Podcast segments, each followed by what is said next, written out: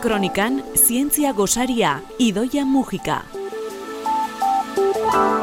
Entzule, egia esan eguraldi hauekin jantzita gabiltz, baina gaur, gaur, niki termikoa, dertxelodia, eskularruak eta berokia dena izango dugu gutxitxo. Ego polora baikoaz zientzia gosarian, idoia mugika materiaren fisika zentruko komunikazio eta divulgazio arduraduna. Kaixo idoia? Kaixo igot, egunon. Ego poloaren konkista zitzegin behar baitiguzu gaur. Bai, kriston historia da eta aventura bat ere, eta zientzia kutsu bat ere badauka zergaitik ez. Eta gaina, ba, egun hauetan zuk esan dezuna, kristonotzez gabiltza hemen, ipar hemisferioan, badakigu gaua luzatzen ari dirala, eta gaurik luzen eukiko degula laister, solstizio horrekin, baina justu egopoloan, kontrako egoeran daude. Momento bek izan dira politak berriz ere gogoratzeko planeta batean bizi gerala eta planeta horretan bi hemisferio dauzkagula eta justu kontrara funtzionatzen degula, ez? Santa Lucia eguna motza eta gaua Lucia dio esaerak hori bihar izango da. Baina egopoloan alderantziz? Alderantziz, orduan, jun beharko bat zina egopolora igotz noiz jungo zinateke, ba, ba justu egun hauetan, ez da? Baina ala ere, ala ere ez guaz orain, eun da amar urte egin behar dugu, atzera, eun eta amar urte. Hori da, justu abenduaren ama, amalauean, beteko dira, eun da amar urte, burutu zala espedizio hori, imaginatu zazue, gaina, bezuka ipatutako niki termikorik eta horrelakorik bai. ez zegoen, goretek sarik ez zegoen, duela eun da amar urte, bertaratzea benetako abentura bat zan, esplorazioa ba, roa lamuntzen deitzen zan, esploratzaile norbergearra zan, eta bikingoetan azkena deitzen zioten. Bera izan zan, abenduaren amalau batez, ego polora iritsi izan, benetako polo-polo geografikora, iritsi izan lehenengo pertsona bere taldekideekin. Eta zue pentsa bera bakarrekari zala erronka horretan, justu ba, urte horretan eta egun hoietan, Robert Falcon Scott, inglesa baita ere, bertan zan, beste puntu batetik abiatu zan, eta baita ere bere helburua zan egopoloa koroatzea, ez? eta iristea.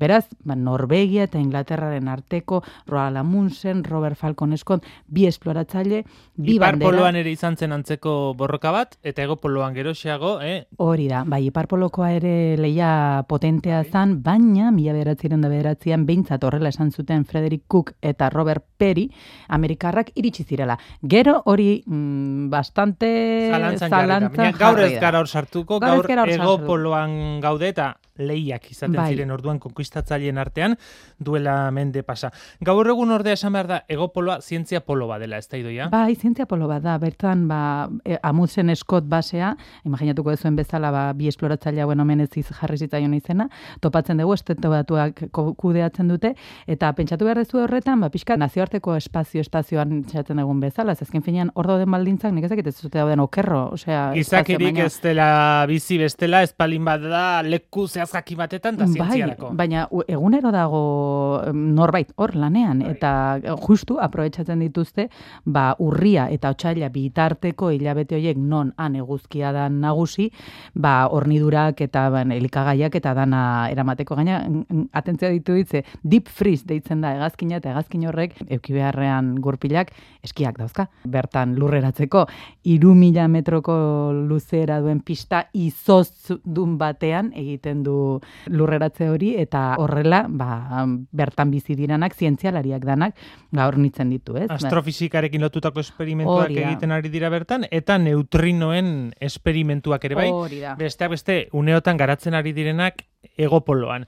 Bai. Baina jendea jarri dugu irrikan eta itzul gaitez zen egin ezagun egun da marrurte atzera, aventura horretara, benetako balentria baitzen garai hartan. Ba. Zituzten baldintzekin egopoloaren erdigunera iristea, Eta Amundsenek lortu zuen lehenengo. Amundsenek lortu zuen lehenengo. E, bere esaten duzte irabazteak, ba, xeetasun guztien plangintzan e, egon zala, ez? Uh Oso, bai, imaginatuko duzuen bezala, urtetan planifikatutako bidaia zan, bai, janskera, janaria, zein tiruko animaliak, ibilbidea, nola jarriko zituzten bidean, que gero jun da etorri egin behar da. Orduan bidean zehar Iristea, mendira esaten denean bezala, ez da igotzea bakarrik ez da gero jeisten ere. Hori da. Ta gaina jakin gabe, jakin gabe norazoa zen, Lehenengo aldia. Lehenengo aldia eta ez eukaten gaur egun dauzkagun sateliteko irudiak nun ikusi dezakezun norazoa zen.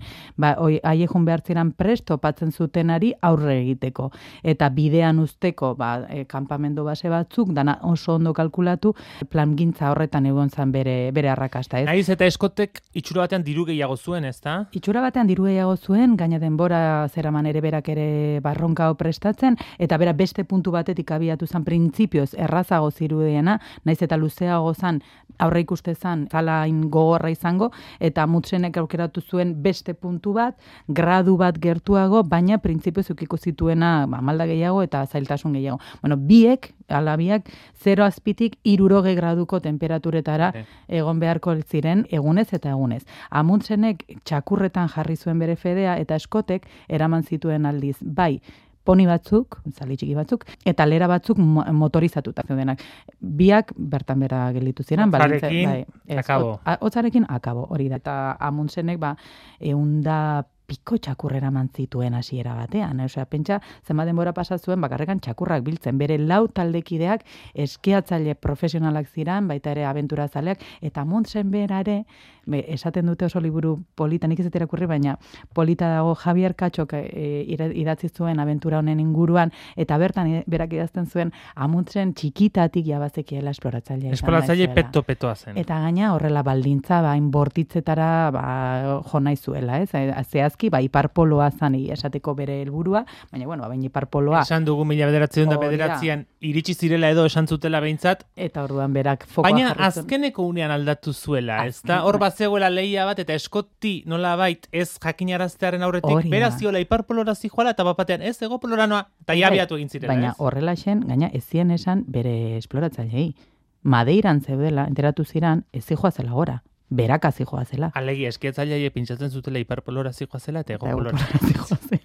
Karo, berak ez zion nahi, inorri esan, ba, gaur egun oso erraz filtratzen dira albizteak, bai, gara hiletan ez dut ez dut Uso mezulari bidez, baina bai, baina, baina kurioso egin zaitere, ba, txiki txikitatik imaginatu behar dezuela, roala muntzen e, bere etxean lo egiten Norvegia arrazan bera, eh? Bai. Leioa irekita eta lurrean, ba, bere burua ba, entrenatzeko eta bere erronka horri aurre egiteko ja txikitatik. Orduan, ba, kriston pertsoneta zari ere Eta e, horrela aurre hartu zion abiatzeko unean eskoti urriaren hogeian hasi zelako admusenen e, bideia eta eskotena geroago azaroaren e, batean. Hori da, urriaren hogeian hasi zan bere, bere bilbidea ari zirean eta hasieran oso ondo juntzinan, amairu txakurrek zera mazkiten lera bakoitza eta oso ondo ari ziren, harin harin ari ziren e, aurrera egiten. Baino, azaroaren erdialdean topo egin zuten, glaziarren erronkekin ze, hor, ba, baziren, zenbait mendi eta zenbait zailtasun, ba, ja jarri zitzaizkiela bidaia pixka bat, aldapa gora esango dugu. Handikan kalkulatu zunden, egopoloraino, dana kalkulatuta, junda etorriko bidea, mila eun kilometro inguru falta zitzaizkiela. Eta horre ere oso fin ibilizan, ze... Admuntzen kalkuluak egiten, ez? Bai, iruro gehiegunetako hornidurak eramatea erabaki zuten, eta hoiekin aurre egitera. Eta bidean, ba, esan bezala... Ba, hornidurak utzi egin zituzten. Hori da, eta beharrezena utzi egin zuten. Azaroren amazaz zazpian izotzezko mindiari egoera ekin zioten. Egunek etxuak eta reskutsuak izan ziren haiek.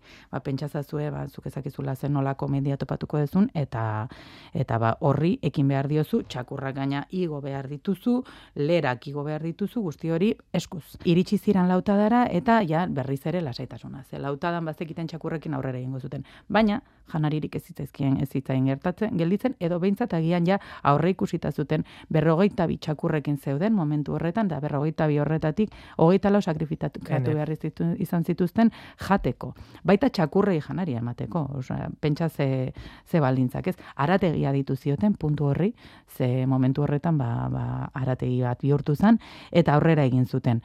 Amuntzenen, amuntzenen txakurrak beren e, kideen aragiaz elikazitezken, baina epatu ditugun eskoten poniak, ez, eskoten poniek, e, poniak ez zian aragi jaleak, beraz ba, ipatu dugun bezala. Egia esan poniekin egopolora joatearen okurrentzia hori, ez da kanpotik begiratuta etzen oso ideia ona, ez? Ez zen oso ideia ona, ez, egia esateko, ez, bueno, aurrera zijoa zen amuntzenen gizonak egopolora nio, eta azken zortzik kilometroetan benetan bi, bihotza ukabil batean zuten, gabeik etzekiten eskot, badak izeten... Eskotek etzekien admunzen undi zebilen, leku eh, ezberdinetik abiatu zirelako, eta admunzenek ez da ere eskotiz gertatzen zitzaion. Ordan zu pentsa, guzti hori pasa eta gero iristen zerala, eta topatzen dezugula, best bestearen denda.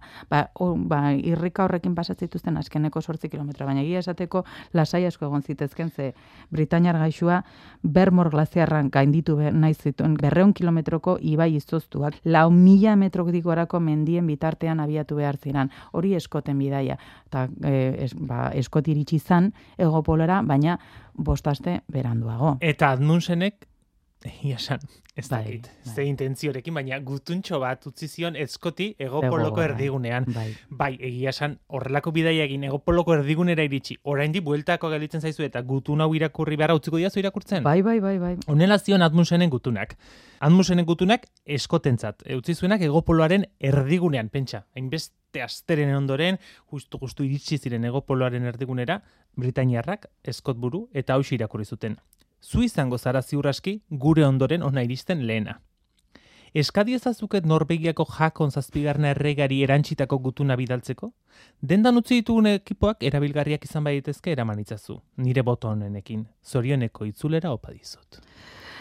Badauka puntu hori ni pentsatu nahi dut amuntzen ez zala konstiente esko beltako bideo horretan hil behar zala. Baina, bai, bai imaginatu behar dugu. Humilazio erabatekoa da. Humilazioa erabatekoa. Gaina, aipatzen ari geran demora guztian. Eskoten taldeak azkeneko kilometroak oinez egin behar izan zituzten txakurrek ez itzaien gelditzen. Iritsi ziran, eta iritsi ziranean konturatu ziran ja, buelta ez zutela egingo. Bera, bueno, nik irakurreko dut eskotek berak idatzi zuena, gero eskoten gorpu eta bere taldekidenak mila beratzeren damabitako azaroan aurkitu zituzten, hau, da, urte bat bai. geroago, ze berriz ere gero zetorren angonegua eta horretzegoen ez errez topatzerik, eta ja, ba, bideak ezagunak ziranean topatu zituzten gorpuak, baita bere, bere diario ere bai. Azken eraino itxarango dugu, baina pixkanaka ahultzen ari gara.